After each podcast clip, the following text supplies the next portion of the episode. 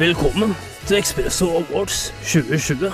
Podkasten hvor morgendagens forbilder gir deg den ekte historien. Ønsk velkommen til dagens moderator, Henry Nei, det funker ikke for meg. altså. Sorry, folkens. Eh, Det er et nytt år. Tenkte jeg skulle prøve en eh, Ja, jeg skulle prøve å herme litt etter Hellstrøm. Syns ikke det gikk så bra. Men eh, jeg syns det er morsomt med litt effekter, det må jeg innrømme. Det er fortsatt ikke for seint å ønske godt nyttår. Ja, 2021 har virkelig starta med et pang. Folk har storma Kongressen, så det året her kan jo bare bli bedre enn 2020. Får vi håpe, men jeg skal ikke jinxe nå også. For de som er faste lyttere av Expresso, velkommen tilbake. Og i fø... Oi, oi, oi. Og i årets første episode av sesong fire skal vi ta noen høydepunkter fra alle de fantastiske intervjuene vi fikk muligheten til å gjennomføre i 2020. Vi deler Expresso Awards inn i to deler, med gullkorn på tvers av bransjer, industrier og bakgrunner.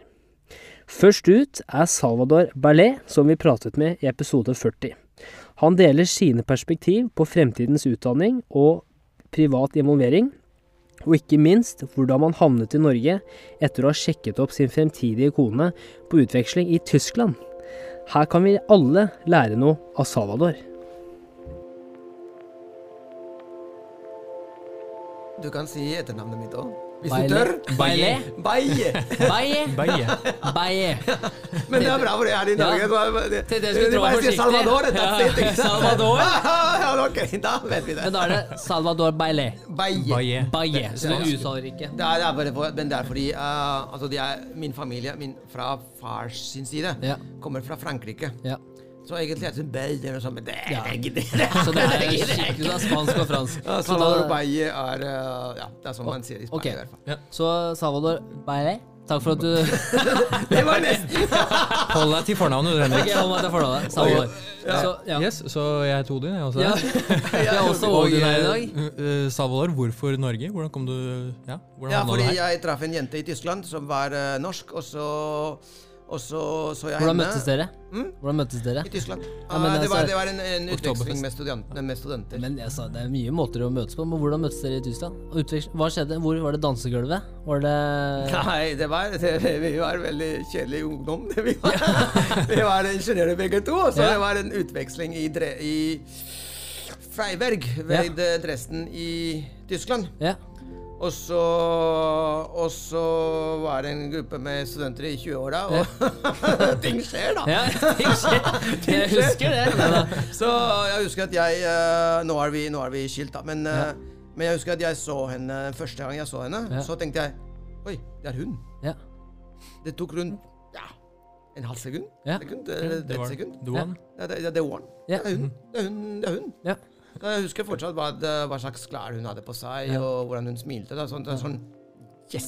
Ja. Du vet ikke det ennå! ja. Så det var uh, Jo, det er sånn. Og så hadde vi uh, long distance-forhold i noen år. Mhm. Så de pyser som er der ute og så sier at eh, det er ikke mulig med long distance. Vet du, ja, jeg har to barn til og med med den, Ja. med den dama. Selv uten Zoom, Teams Uten Zoom, sammen. uten Teams. eh, det var i 19, jeg traff henne i 1994. Det var knapp internett. ja. Egentlig var det ikke internett. Var det faks? Hvordan var det var, det? ja, det, nei, det var gammeldags, god gammeldags eh, post, da. Hva Men, post? eh, Ja. Altså brev. Brev, ja, ja. Kjære Tone! Men hvordan, eh, hva, slags, hva var sjekkereplikken din når du, når du skulle fortelle henne at hun var the one? Oh, skal jeg Nei um, Kommer du hit ofte? Var det den? Nei, altså det var en utveksling, så vi er alle sammen. Men, uh, men uh, jeg fikk inntrykk av at det gikk bra, da. Med, vi fikk god kontakt, vi to. Og så, og så var det sånn studentfest der eh, med utvekslingsstudenter. Og så, jeg, så var det hun der også, og så begynte vi å prate. Og jeg tror det tok et minutt før Ja, du, trenger spurte ikke, du trenger ikke å snakke om det. Nei, nei, nei, men det. eh, det tok, jeg tror det tok ett minutt før jeg spurte henne om hun ville gå ut. Ja. på, på, det var en sånn hage ute. Ja, Og da skjedde ting. Da var det gjort. Da var det gjort. Da var det gjort. Altså, gjort, gjort. Fantastisk. ja, ja, det var veldig bra. Da er vi allerede etter to minutter inn i podkasten, så har jeg allerede lært eh, hvordan sjekke utvekslingsstudenter. Kjempebra. Det er, eh, når du er i 20-åra. Når du er i 20-åra. På 90-tallet. Men eh, vi skal jo ikke snakke om sjekkereplikker i dag. Det får bli en annen episode.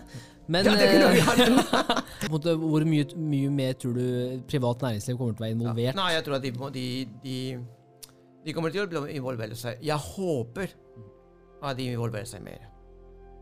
Ehm, men det er ikke sikkert, fordi jeg, jeg ser en veldig bekymringsfull tendens til at uh, private aktører i næringslivet, bedrifter, outsourcer mer og mer. Og såpass mye at de begynner de outsourcer sin, det som egentlig skulle ha vært deres eh, kjernevirksomhet også. Hva er konsekvensen av det? Jo, at de trenger færre folk som egentlig jobber for dem, ikke sant? Og flere som må jobbe for konsulentselskaper. Som igjen selger disse, de tjenestene som disse bedriftene tror ikke er deres kjernevirksomhet, til, eh, til dem, ikke sant? Um, så, så det er uh, I en ideell verden så håper jeg at vi ser den, den tendensen snu. Jeg håper at uh, flere selskaper skjønner at det er ikke noe skam å ha en kjernevirksomhet uh, som skaffer deg et konkurransefortrinn. Um, du må vite hvilket konkurransefortrinn du skal ha, og ikke gå inn i panikkmodus. Og at uh, de som skjønner hvilke konkurransefortrinn de skal ha, at de ansetter folk som kan hjelpe dem videre. Og du ser hvordan de store selskapene, eller de selskapene som bygger konkurransefortrinn fort, at de ansetter veldig mye òg. Det er en direkte konsekvens. Tror du de store tech-selskapene, Amazon, Google, Facebook, Microsoft osv., kan konkurrere med utdanningsinstitusjoner? Ja. Men jeg tror at eh, den, største, største, den største utfordringen for hvis vi snakker om utdannelse her i Norge, er eh, de store, prestisjefulle institusjoner i andre land. MIT, Berkeley, Harvard. Når jeg jobber nå akkurat i disse tidene, så jobber jeg hjemme hos meg. Og jeg, jeg har tilgang til whatever. Um, um, det begynner å, å, å snike seg en følelse av hvorfor kan ikke studentene også Mm. uh, sitte whatever mm. uh, og lære alt de trenger fra Harvard eller eh, MIT, og så går du til en arbeid... Altså, og så går en student Ja. som er ferdig, til arbeidsgiveren. 'Hei, jeg har en tittel fra MIT. Jeg har en tittel fra eh, Universitetet i Oslo.' What to do? What to Ja. do?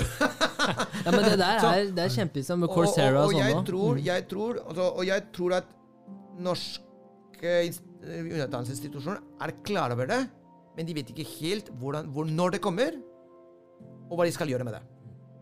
Og jeg tror at en, en mulighet er at siden MIT og Harvard osv. ikke har uh, fysisk presens overalt i verden og, og du må mange ganger gjøre noe uh, praktisk også. Jeg er sivilingeniør. Jeg måtte ha en lab. Hvorfor kan ikke disse lokale eh, utdannelsesinstitusjoner, eh, universiteter i, i Norge, uh, ha avtaler med disse store globale, eller amerikanske kinesere, eh, heter vært kinesere sikkert òg, um, uh, prestisjefulle universiteter, og si ok, la oss gjøre en eller annen form for samarbeid hvor dere har, uh, dere har kontroll over programmet, f.eks. Vi skjønner at dere er i MIT, det er mer avansert. Vi kan eh, gjøre en del av deres program her, her hjemme, samme program. Og, eller til, tilpasset. tilpasset uh, kanskje Norske- norske, norske regulatoriske rammeverk. Og så har vi laben. Slik at eh, studentene våre, altså sammen, altså felles, kan studere hos dere på nett. Kan gjøre en del uh, oppgaver her hos, hos oss, og bruke våre fysiske fasiliteter.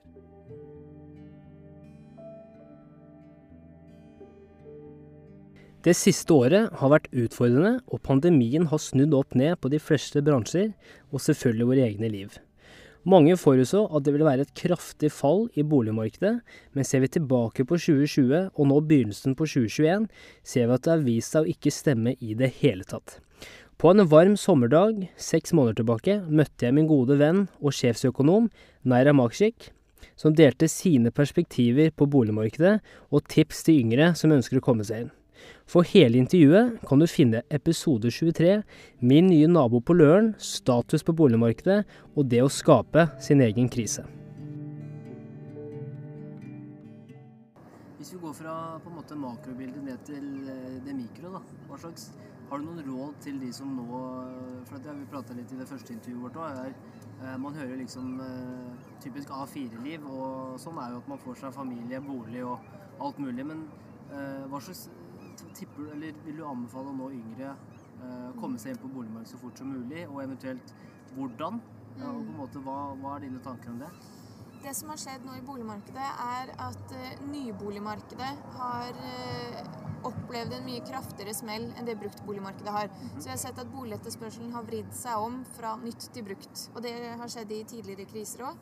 Eh, fordi når det er såpass stor usikkerhet som det har vært i våres, så vil du heller kjøpe en bolig du kan ta over i løpet av et par måneder, istedenfor å vente på en i et par år, som det ofte må med nybygg. Så eh, salget av nye boliger har falt som en stein. Eh, og det betyr jo at det kommer til å bli igangsatt og bygget færre boliger fremover. Det betyr også at det kommer til å bli ferdigstilt færre boliger som ca. to år frem i tid. Og da ligger det an til et sterkere prispress i boligmarkedet.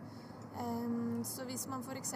vurderer å kjøpe en bruktbolig eller en nybolig, så kan det jo være en god timing å gå inn i nyboligmarkedet hvis man kan vente uh, i to år. For da om de eh, to årene når den boligen blir ferdigstilt, så blir det ikke ferdigstilt så veldig mange andre. Og da ligger det i hvert fall til rette for økt eh, prispress. Eh, men hvis man ikke klarer å vente så lenge, så er det mange nok fine bruktboliger å velge på Finn. Og jeg tror egentlig ikke det har så veldig mye for seg å vente så veldig mye Men hvis det er en bolig du skal bo i selv. Hvis det er en bolig som er et investeringsobjekt, så er det helt andre hensyn man må ta. Da må man gjøre en grundig eh, investeringsanalyse, hvor risikoen er mye større. Men hvis du står mellom å leie eller å, å kjøpe en bolig som du skal bo i selv, eh, så ville jeg anbefalt å kjøpe en bolig som du skal bo i. Ja. Eh, men eh, det er, det, er, fortsatt ganske mye usikkerhet, og selv om arbeidsledigheten har falt eh, siden uke 15, så har den falt uke for uke. Eh, den er fortsatt høyere enn det den var før koronautbruddet, men det har i hvert fall vært en positiv utvikling de siste ukene. Men dette kan jo fort snu. Om vi får et nytt koronautbrudd i høst, så er jeg redd for at de negative konsekvensene kan bli større enn det de var i våres. Og det er litt fordi den verktøykassa vi har, den eh, er ikke helt tom, men den er mye tommere enn den var i våres. Vi kan ikke sette ned renta ytterligere. Og det er de pengepolitiske tiltakene. Og av de finanspolitiske tiltakene så har det blitt brukt såpass mange oljemilliarder at jeg ikke ser for meg at vi kan øke den bruken ytterligere. Så om vi får en ny setback i høst om å stenge ned landet på nytt, og vi opplever en ny økning i arbeidsledigheten, så har vi færre verktøy å møte det med. Og jeg tror også da at eh, de negative konsekvensene for boligmarkedet kan bli større enn det de er blitt nå. Så hva du gjør fremover, da må du gjøre din egen analyse om du tror vi får et nytt eh, stort smitteutbrudd eller ikke. Hvis du ikke tror det, så er det fint å kjøpe bolig nå. Hvis du tror det, så kan det hende at boligprisene i høst faller mer enn det som er vanlig.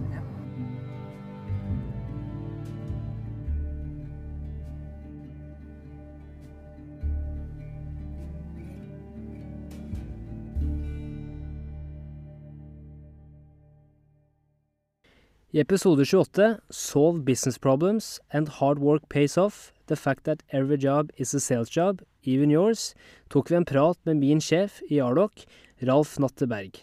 Han er en person jeg ser opp til, og med tanke på at han har flytta til New York for å lede våre amerikanske kontorer, tok vi intervjuet på engelsk, med litt halvdårlig uttalelse og dårlig smak fra vår side, men vi overlevde. Ralf prater om viktigheten av å være nysgjerrig, hvordan lykkes med salg, og at alle jobber med salg på en eller annen måte. Han deler også hva som har vært de største utfordringene når man skal skalere et internasjonalt teknologiselskap fra lille Norge. Ofte putter vi altfor mye penger på produktsiden, når vi må gjøre litt sånn som amerikanerne, være gode til å prate, gode til å selge og tenke mer kommersielt. Dette er Alf, og hvordan lykkes med salg.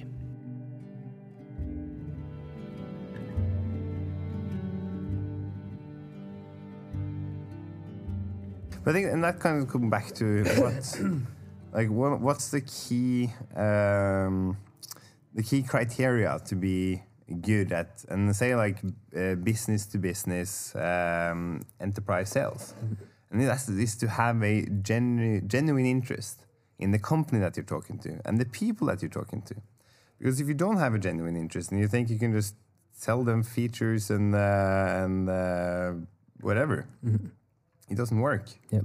It's about understanding, put, put, trying to put ourselves in their shoes, and then being able to um, hopefully present a solution that will work for them with our technology. Yep. So if we look at Norwegian tech companies, uh, several investors and you know larger companies they've been saying that you know what scale ups and, and startups what they're lacking is is they do have the technical product but they're lacking the commercial aspects to succeed how would you how would you describe like norwegian tech companies and, and what do you think they're they're lacking based on your own experience to succeed internationally I think there are so many uh, fantastic technologies being developed in Norway every single day. I think we probably have some of the best uh, universities uh, in the world. We are extremely educated on how to build technology. Uh, and I think our developers are yeah, probably one of the most um, uh, yeah, uh, attractive uh, developers in the world as well. Um, but then in Norway, it's also we, we have Janteloven, uh, so uh, and sales is also quite connected to Janteloven. Like, yeah, you shouldn't say you're better than what, what you are. And I think if you see most companies in in Norway, uh, their CEO uh, was either a previously an engineer uh, or a uh, CFO. Um, while if you go to the US, you see, mm, yeah, most companies uh, they have previously uh, their CEOs are previously um, uh, chief marketing officers or uh, sales officers. And I think that is a a, bit of a, a difference. Is that like elevating the sales? yes because uh, every company needs to sell and right and uh, and uh, that is uh, in in my eyes as well how can how can you, you successfully uh, scale a Norwegian technology company or any technology company you have to put sales as uh, as the key in like uh, the key driver. Yeah. Um, and everything around sales. Exactly. Um, and uh, yeah, that is uh, why I believe there are uh, companies uh, in other countries who have less of the technology, Mm.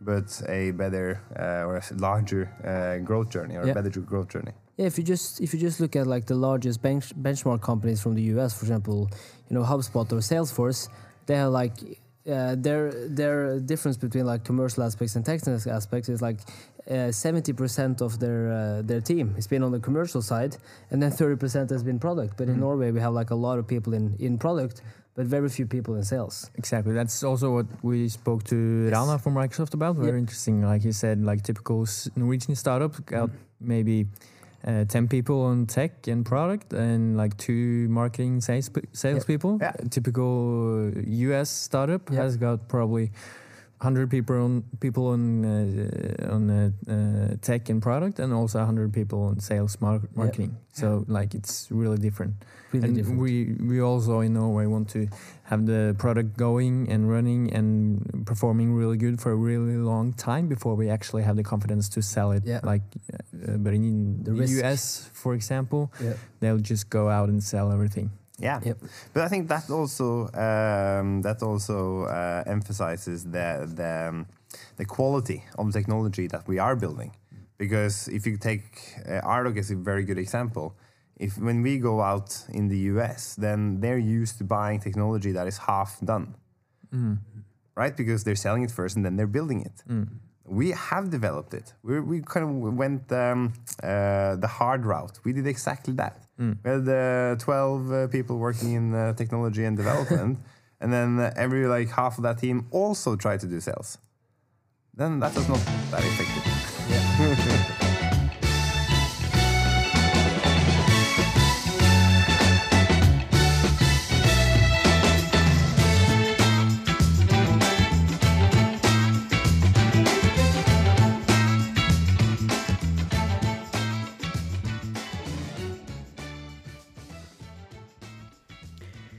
Kristine Lundberg Larsen, administrerende direktør i Regnskap Norge og påtroppende chief operating, chief operating, faktisk, operating officer i Esit, min mentor over flere år, deler sine syv råd for vellykkede endringsprosesser. Kristine er utrolig energisk, utrolig flink til å se menneskene rundt seg, og jeg anbefaler på det sterkeste å følge denne personen tiden fremover.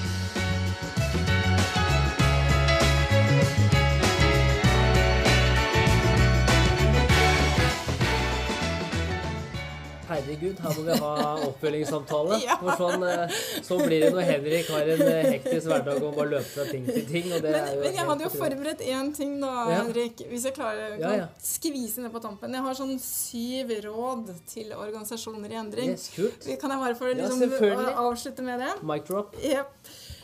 Eh, Nummer én. Skap en felles forståelse for nå-situasjon og behovet for endring. Nummer to.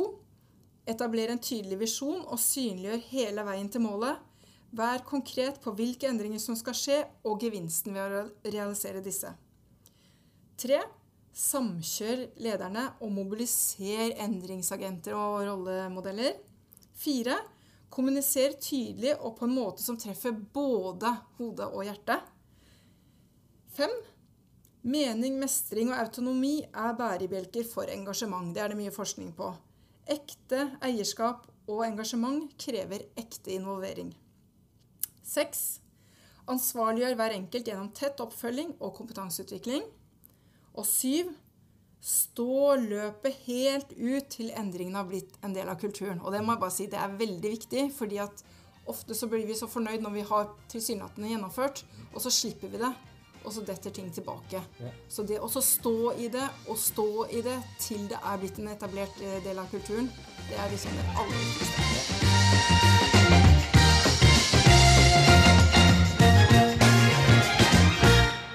Andreas Martinussen.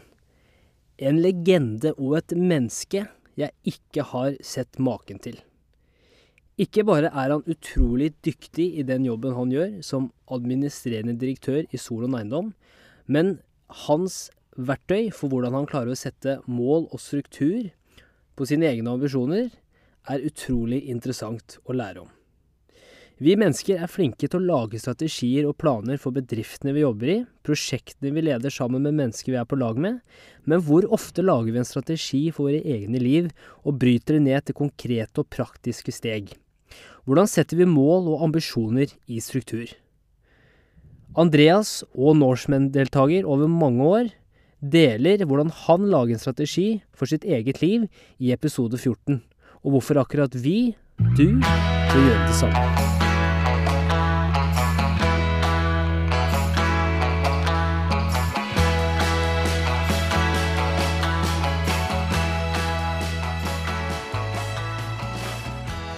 Du har jo på en måte fra tidlig av, og litt sånn som vi pratet om eh, når vi først møtte hverandre også, hvordan du klarer å sette mål, eller på en måte ambisjoner og hva skal man kalle det, en personlig strategi da, i, i praksis.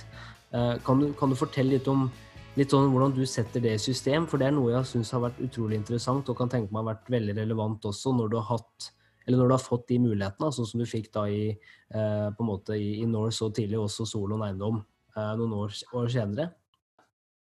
Ja, og det, det, er et veldig interessant tema, så det kan jeg selvfølgelig eh, si litt om. Um, før jeg gjør det, så tenkte jeg bare Du fikk meg til å tenke på noe i det du sa. Og det var det med at jeg fikk den muligheten da jeg var ganske ung. Mhm. Og da du utfordra meg inn i denne samtalen på å si kanskje noe om det høres, Jeg jeg er ikke i en posisjon til å sitte og komme med masse råd til andre mennesker, men, men hvis jeg skulle peke på noen ting som jeg tror har vært viktig for meg, i hvert fall, og som har fungert veldig bra, så er det å alltid tørre å gripe de mulighetene som kommer din vei, selv om de kanskje syns litt for store. Mm. Eh, og klart, Jeg rådførte meg også med noen av de menneskene jeg stolte veldig på. Da jeg fikk tilbud om å bli administrerende i et verdipapirforetak 24 år gammel. Mm. Um, og flere som sa at nei, dette, det er for store sko å fylle, det bør du ikke gjøre. Men det jeg alltid har valgt å eller som har vært min strategi, da, det er å tenke at hvis andre smarte mennesker har vurdert meg kvalifisert til en jobb, så skal jeg stole på deres vurderingsevne Mm. fremfor å betvile hvorvidt jeg er kapabel. For da det eneste jeg kan gjøre, det er å gå all in, som jeg jo liker å gjøre, og gjøre mitt beste. Og hvis ikke det er godt nok, så er det ikke måte jeg som har feila, da er det den personen som ansatte meg, som egentlig har gjort feilen. Mm. Så Det å liksom tørre å ta på seg store sko, eh, det tror jeg er smart. Da har man i hvert fall prøvd. Eh, Og min påstand er at man vokser veldig som menneske. Å ha en plan for det man driver med, det tror jo jeg er en viktig del av kall det suksessoppskriften, da. Uansett hva man driver med. Og det som er morsomt, jeg spør ofte eh, mine ansatte om de har en Kall det en plan da, for egen utvikling, egen karriere, det å utvikle nye ferdigheter osv. Og, så og de aller fleste sier ja. Og da spør jeg alltid om jeg kan få se den planen. Og da blir de fleste igjen ganske svar skyldig, for nesten ingen har den planen skriftlig. Og da er min påstand at da har man ikke en plan. Mm. Sånn, kraften i å sette målene sine, strategien sin, eh, hvilke ferdigheter som trengs for å klare å realisere den strategien, og hvordan du skal utvikle de ferdighetene, det må ned på et stykke papir. Mm. Og her mener jeg idrettsverden, eller toppidrett, er utrolig mye flinkere og mer systematiske på dette enn det man er på å utvikle ferdigheter i næringslivet. For alle toppidrettsutøvere har en plan. Det er klart de har det. Det er ikke sånn at de bare går ut og så trener litt i dag og så, ja, håper at det her går bra og at det ble en OK økt. De har på planen sin hva skal de trene, hvordan skal den økta gjennomføres, hva ønsker man å utbytte ut av den, og hvilke ferdigheter skal man trene på. Mm. Så det jeg har, da, det, jeg har en, og det høres sikkert nerdete ut, men jeg har en prestasjonsutviklingsplan eh, som ikke er noe kjempekomplisert dokument. Tvert imot, det er et veldig enkelt dokument. Det er en one-pager i eh, Word, men som begynner med på toppen, eller sånn strukturen da, på den planen er. Der på toppen så har jeg et verdisett. Der har jeg hakka ut fem klart definerte verdier, som er de aller viktigste for meg. Mm. Og de brukte jeg ganske lang tid på og knadde og bytta ut og tok inn en ny verdi. Og så hei, den er ikke helt sånn. Det skal ikke være førende for meg inntil jeg landa på de fem verdiene som skal styre de beslutningene jeg tar i livet. Så kommer det under verdiene så kommer det en visjon. Hva er visjonen for Andreas Martinussen og det jeg driver med? Og da er det spesielt relatert til jobb da, for min del, for det er en viktig del for meg. Og da har jeg en visjon på hvordan skal dette se ut når jeg virkelig har oppnådd det jeg har lyst til å oppnå i jobb. Så har jeg en beskrivelse av nå-situasjonen min. Hvor føler jeg at jeg er hen i dag? Status PT. Og et målbilde et stykke frem i tid. Og da kan det tidsperspektivet variere litt. Noen ganger jobber jeg med litt kortere eh, målbilder, og av og til mer langsiktig. Og så kommer det kanskje aller viktigste, og det er da de fire viktigste punktene, kall det strategien, da, men de fire viktigste tingene som jeg må fokusere på for å klare å realisere det målbildet. Mm. Hvilke fire ting må jeg fokusere på for å ta meg fra nå-situasjon og til det målbildet innenfor det tidsperspektivet jeg ønsker. Mm. Uh, og så innenfor de tingene å fokusere på, der har jeg jo da noen mål, uh, sånne konkrete actions som jeg skal gjennomføre. Og så har jeg helt til slutt eh, målene mine for Og det er fire områder da, hvor jeg liksom liker å operere med mål. En er for helse. For det er noe av det viktigste. Det er min sånn toppverdi, det er god helse. Og så har jeg mål for egen utvikling. Hvordan skal jeg utvikle meg faglig? Hvilke nye eh, ferdigheter er det jeg har lyst til å utvikle? Mm. Og så er jobb. Noen helt konkrete mål for jobb.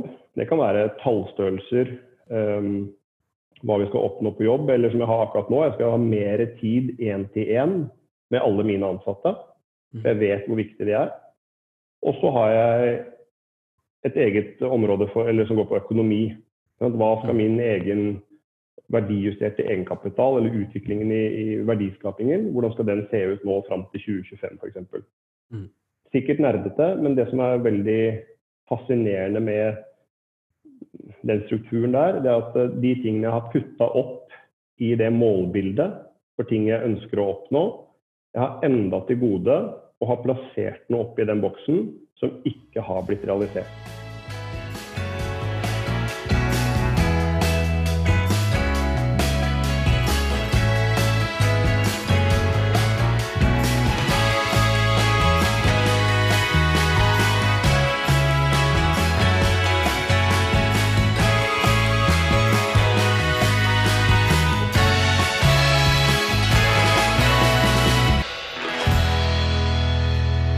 Først snakker om energi og glede, så må vi selvfølgelig innom en tur for å møte All In og Sigurd Gravmark. Vi alle blir motivert av forskjellige ting, og veldig ofte kan det virke som vi har det for godt i Norge. Vi er rett og slett for heldige, og vi er rett og slett for dårlige til å ha det ubehagelig. Hvorfor er det så vanskelig å prioritere å gjøre en endring? Vi vet at det ikke alltid er en sammenheng mellom det vi sier og det vi gjør. Og Sigurd Gramark i All In forteller om at når vi skal klare å foreta en endring både i det profesjonelle og personlige liv, må du ha et sterkere ønske om å komme deg et sted enn å være enn der du er i dag. Hvis du lykkes med én endring, eller når et mål på noen steder i livet, er det mye lettere å lykkes på andre områder. Sigurd er en person du absolutt bør lytte til når det kommer til hvordan lykkes med endring i eget liv. Vi, vi nevnte jo også innledningsvis da det med på en måte, den sammenheng mellom det vi sier vi skal gjøre, og det vi gjør. Eh, og da handler det kanskje mye også om prioriteringer. Og, og, hvorfor er det så vanskelig, tror du, å gjøre en endring, eller eh, liksom skifte handle, handlemønster? da? Det er jo, I Norge så er det jo stort sett for at folk ikke ser det viktig nok. da. Altså, Det er veldig sjelden øh, at du må.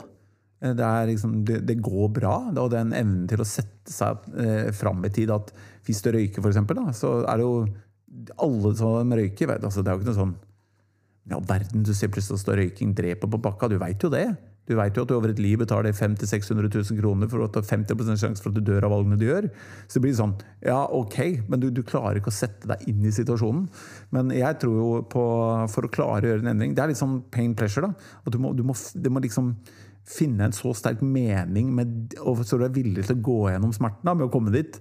Eh, at det er faktisk Du er så villig til å komme dit. Ønsket om å komme dit er sterkere enn å bli i den komfortsonen der du er. da.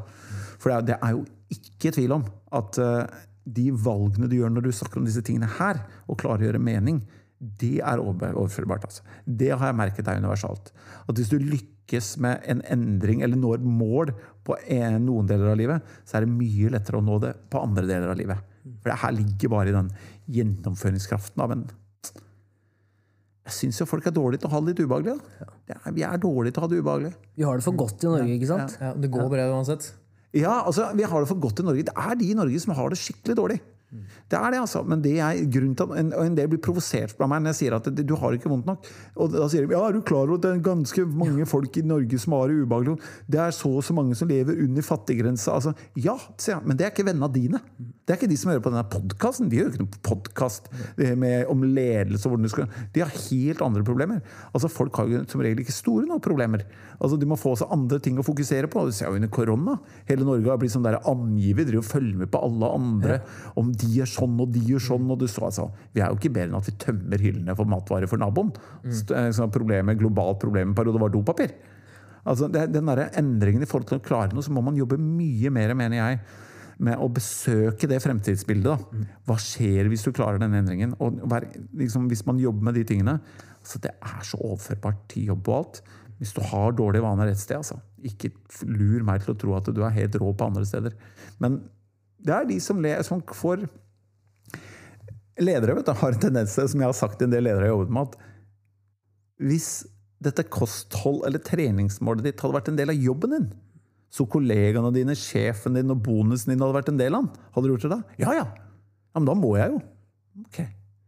Så da må du. Men det å faktisk redde livet ditt selv, det er ikke nok. Nei. Så det er tricky. Det er kanskje det vi snakka om, da, at det, det, det, tar ganske lang tid før du merker konsekvensen av det. Eh, men også det med Du har jobba med veldig mange personer og konsultert veldig mange. Eh, og det jeg har hørt, i hvert fall, det er motivasjonen motivasjon til å gjøre den type endringer. Det kommer gjerne innenfra, og det må komme innenfra. Men hvordan er det å være en person som kommer utenfra, og skulle på en eller annen måte klare å endre atferden til personer utenfra? Eh, to svar der. Først med motivasjon. Er det noe jeg hater? Rett og slett, Jeg kan ikke fordra det. Det er det at folk sier hvor motivasjonen må komme fra. Altså De som sier at motivasjon må komme innenfra, mm. det er de som har sittet bak et skrivebord og samla inn masse data. Eh, global, altså, og så har de en statistisk analyse som sier at det her er riktig motivasjon. Åh, jeg brekker meg. Jeg blir, jeg blir, altså, jeg blir så jævlig provosert. Fordi jeg er sånn der, Hvis ikke du har indre motivasjon, og hvis ikke du eh, brenner fra det innenfra, eller hvis du er motivert av penger eller bonus eller status, så blir du dypt ulykkelig når du må målet ditt. Du gjør ikke det, altså. Du blir dritfornøyd når du når målet ditt. Og jeg har jobba med olympiske, eller toppidrettsutøvere og, og, ledere som motiveres av penger og status. Mm. Men det aller viktigste med motivasjon, det er at den er din. Og det er litt dumt, Odin, hvis du merker at faktisk det å lykkes nå, den statusen, og at alle klassekamerater og venner av meg og alt skal si at jeg skal lage det killer digitale eh, markedsføringsbyrået, det skal bli så fett, og jeg skal få frigjøre meg økonomisk og alt og du finner at det får deg opp om morgenen, mm. det virkelig gjør at det bruser i deg, så kommer det en, en eller annen som sier Nei, men det er ikke indre motivasjon. det er feil motivasjon. Ja, skal, nei, men Da driter vi i det, da. Da må jeg finne noe annet. Jeg må begynne med noe annet. Ja, så det blir helt sånn dustete. For det er, ikke, det er, det er gjort på et sånn altfor sånn derre eh, generelt grunnlag. Men de high performers, da, de som vi snakker med, som vi jobber med, som har lyst til noe altså, Eneste jeg spør hva driver deg, det må du finne ut. Og problemet med mange av de som ikke klarer endring, de er ikke dønn ærlige med seg selv. De leser eller hører noen andre som sier at det er klokt at du gjør sånn. Men drit i hva de gjør. Finn ut hva driver deg. Om det er penger, status, at du blir for høyere selvfølelse, eh, selvtillit Uansett, jeg driter i det. Men spør hva det er. Finn ut, og det er jo det jeg gjør med å komme utenfra. er veldig enkelt. det. Fordi folk bruker mindre tid å tenke på hva de skal bruke livet sitt til, enn hva de skal på middag. Ha til middag. I, nå i eh, juli, juni, juli, august hadde folk brukt like mye tid på å planlegge hvordan livet sitt skulle være, som de har brukt på yr.no eller pent.no. Altså, alle hadde funnet ut hva de hadde lyst til å gjøre, men det gjør vi ikke. ikke?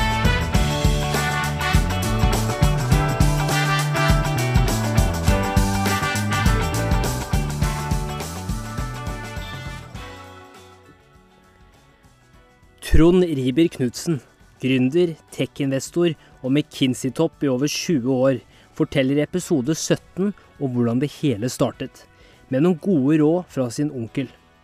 Erfaringene fra Harvard er noe han har tatt med seg gjennom hele livet, og i dette intervjuet deler han hvorfor vi alle må ta på oss større utfordringer og gå utenfor komfortsonen for å vokse.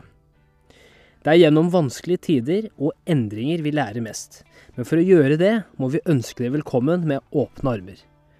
Trond Riiber Knutsen er egentlig en person som ikke trenger noe introduksjon.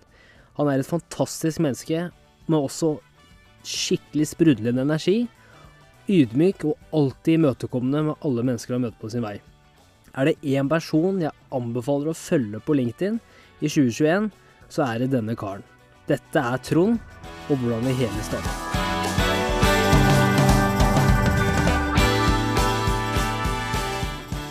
Fram det beste i deg også, eh, og alltid være nysgjerrig. Eh, og det som jeg syns kunne vært litt morsomt å høre, er jo hvis vi går tilbake til når du var i begynnelsen av 20-årene og du skulle begynne på ingeniørstudiet på, på NTNU. Hva, hva, slags tanker hadde du der? Hadde du, hadde du, planen klar for at du skulle jobbe med McKinsey og så skulle bli investor, eller var det Nei. nei. Hvordan var det for deg? Nei, um, all, alle sånne ting er veldig eh, personlige. så Folk har sine egne personlige erfaringer. ikke sant? Så igjen, så min historie er ikke nødvendigvis den som resonnerer med alle andre. Men for meg så var det slik at jeg vokste opp i Trondheim rett siden av NTH, NTNU. Og eh, min far drev et rådgivningskontor sammen med min mor i Trondheim. Mm -hmm. eh, og de, faren min hadde gått på NTNU. Eh, og om somrene så jobbet jeg i firmaet deres. Eh, så jeg var den type person da, som egentlig bare gikk inn eh, og gjorde det som var forventa av meg. Eh, så det som var forventet av meg da jeg var 18 år gammel og ferdig på videregående, var at jeg skulle begynne på bygg på NTH. Så jeg begynte på bygg på NTH.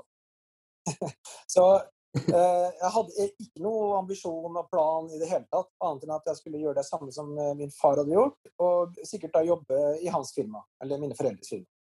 Mm. Så det var utgangspunktet. Um, og så, mens jeg gikk der, så skjedde et par ting. Det ene var at eh, en onkel av meg eh, stoppet meg på gaten en dag og spurte hvordan det gikk. Og så sa jeg at det er egentlig ikke så veldig spennende. For, du vet, jeg er mer den typen som har lyst kanskje å gjøre noe internasjonalt og jobbe litt mer med politikk og økonomi og sånne ting. Så jeg vet mm. ikke. Så sa han at du, det er kommet et sånt nytt program, noe regjeringen har startet noe sånn støtte til studier i utlandet hvis du kommer inn på et godt universitet og sånn. Så kanskje etter NTNU, du burde kanskje søkt på det, liksom. For eksempel, du kunne gått på Harvard eller noe. Det hadde jeg aldri tenkt, hadde jeg aldri tenkt på Harvard.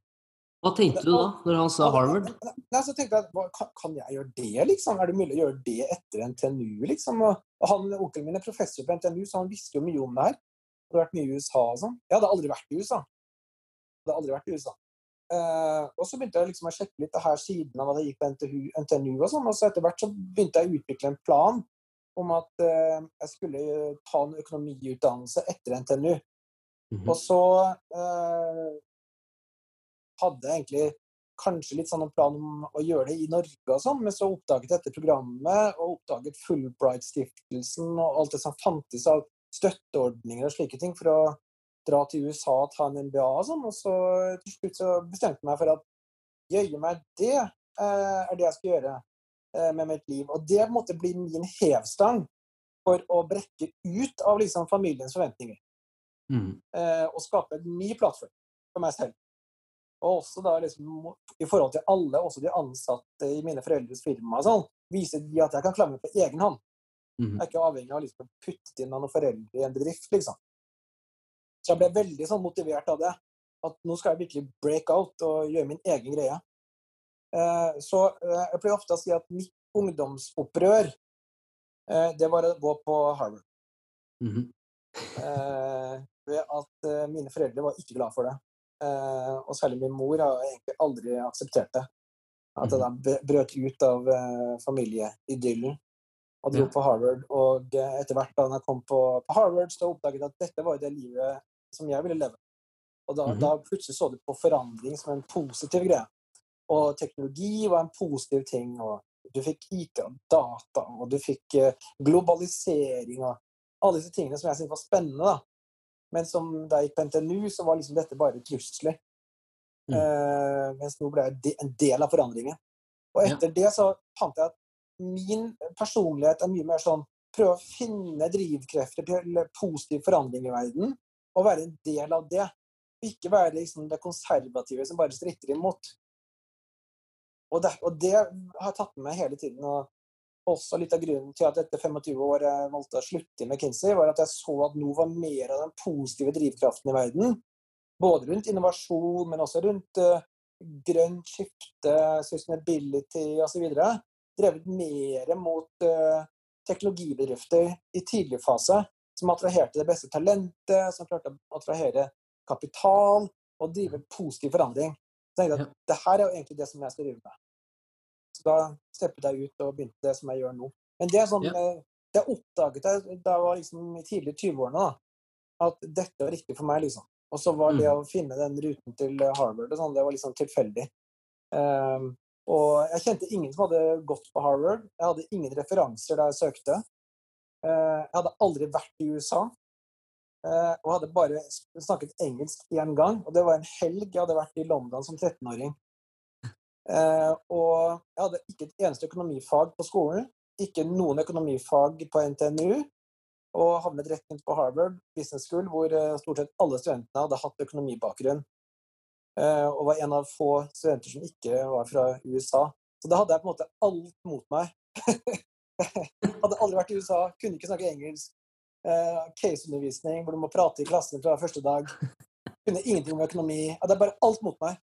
Og når du da klarer deg godt gjennom en sånn situasjon, så vokser du som bare det. ikke sant? Det er sånn klassisk transformasjonsgreie. Hvor du vet, eh, ikke så enkelt i begynnelsen, men når du klarer det, så bare vokser du som person. Og det er klart, det er en av de erfaringene som jeg har med meg, at du må noen ganger ta på deg litt tøffe utfordringer. Du må noen ganger gå utenfor din egen eh, komfortsone. Eh, Både for å lære, men også for å oppdage styrken i din egen personlighet og karakter. Og hvis du bare går inn i boblen hele tiden og er liksom komfortabel, så kommer du ikke videre. Så jeg har vært ganske komfortabel i livet mitt med å ta på meg store utfordringer. Og jeg kanskje ikke nødvendigvis er helt fullt kvalifisert, men jeg på en måte har en tiltro til at hvis du jobber hardt og du gjør litt ting ordentlig, så kommer du gjennom, og så vokser du kjempemye som, eh, som person. Så det har jeg hatt mange, mange erfaringer på, men det på Harvard er kanskje den største transformative erfaringen jeg har vært gjennom.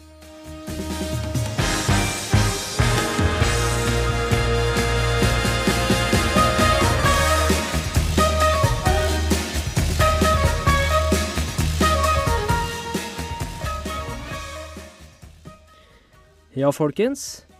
Endelig er det 2021. Jeg tror dette kan bli et utrolig interessant år på mange måter. Nå er vi ferdig med del én av Expresso Awards, og gjennom livet så stiller man seg utallige spørsmål. Hvilken karrierevei bør jeg gå? Hva brenner jeg for? Hvordan oppnår jeg suksess? Hva er suksess? Ofte er det en universal regel om at suksess er likt for alle. Ofte kan det handle om hvor mye penger du har i banken, de klassiske materialistiske verdiene som fint hus og hage, og ikke minst en større garasje enn naboen. Selv om alle de menneskene vi har intervjuet kan virke som superhelter, er de mennesker de også, med usikkerheter, komplekser og svakheter som alle oss andre. De vet at suksess i anførselstegn kan komme på bekostning av andre ting, og at det ikke er en oppskrift som passer for alle. Gjennom livet har de fulgt egne interesser og vært åpne for utfordringer og muligheter som har dukket opp underveis. Noen har hatt planen klar siden yngre år, andre har tatt det som det kommer. Men det er viktig å si at 2021 er et nytt år med de samme mulighetene. Korona vil ikke være her for alltid, og det kommer et liv etter pandemien. Det her har vært del én av Expresso Awards. Og før jeg runder av, så skal jeg også si at jeg også har en del komplekser. Jeg har blitt litt tynn i luggen, og det begynner å nærme seg en måned på topplokket her. Derfor har jeg bestilt produkter fra nettet, og det sier litt. Sånn har det blitt i 2021. Vi ses om en uke.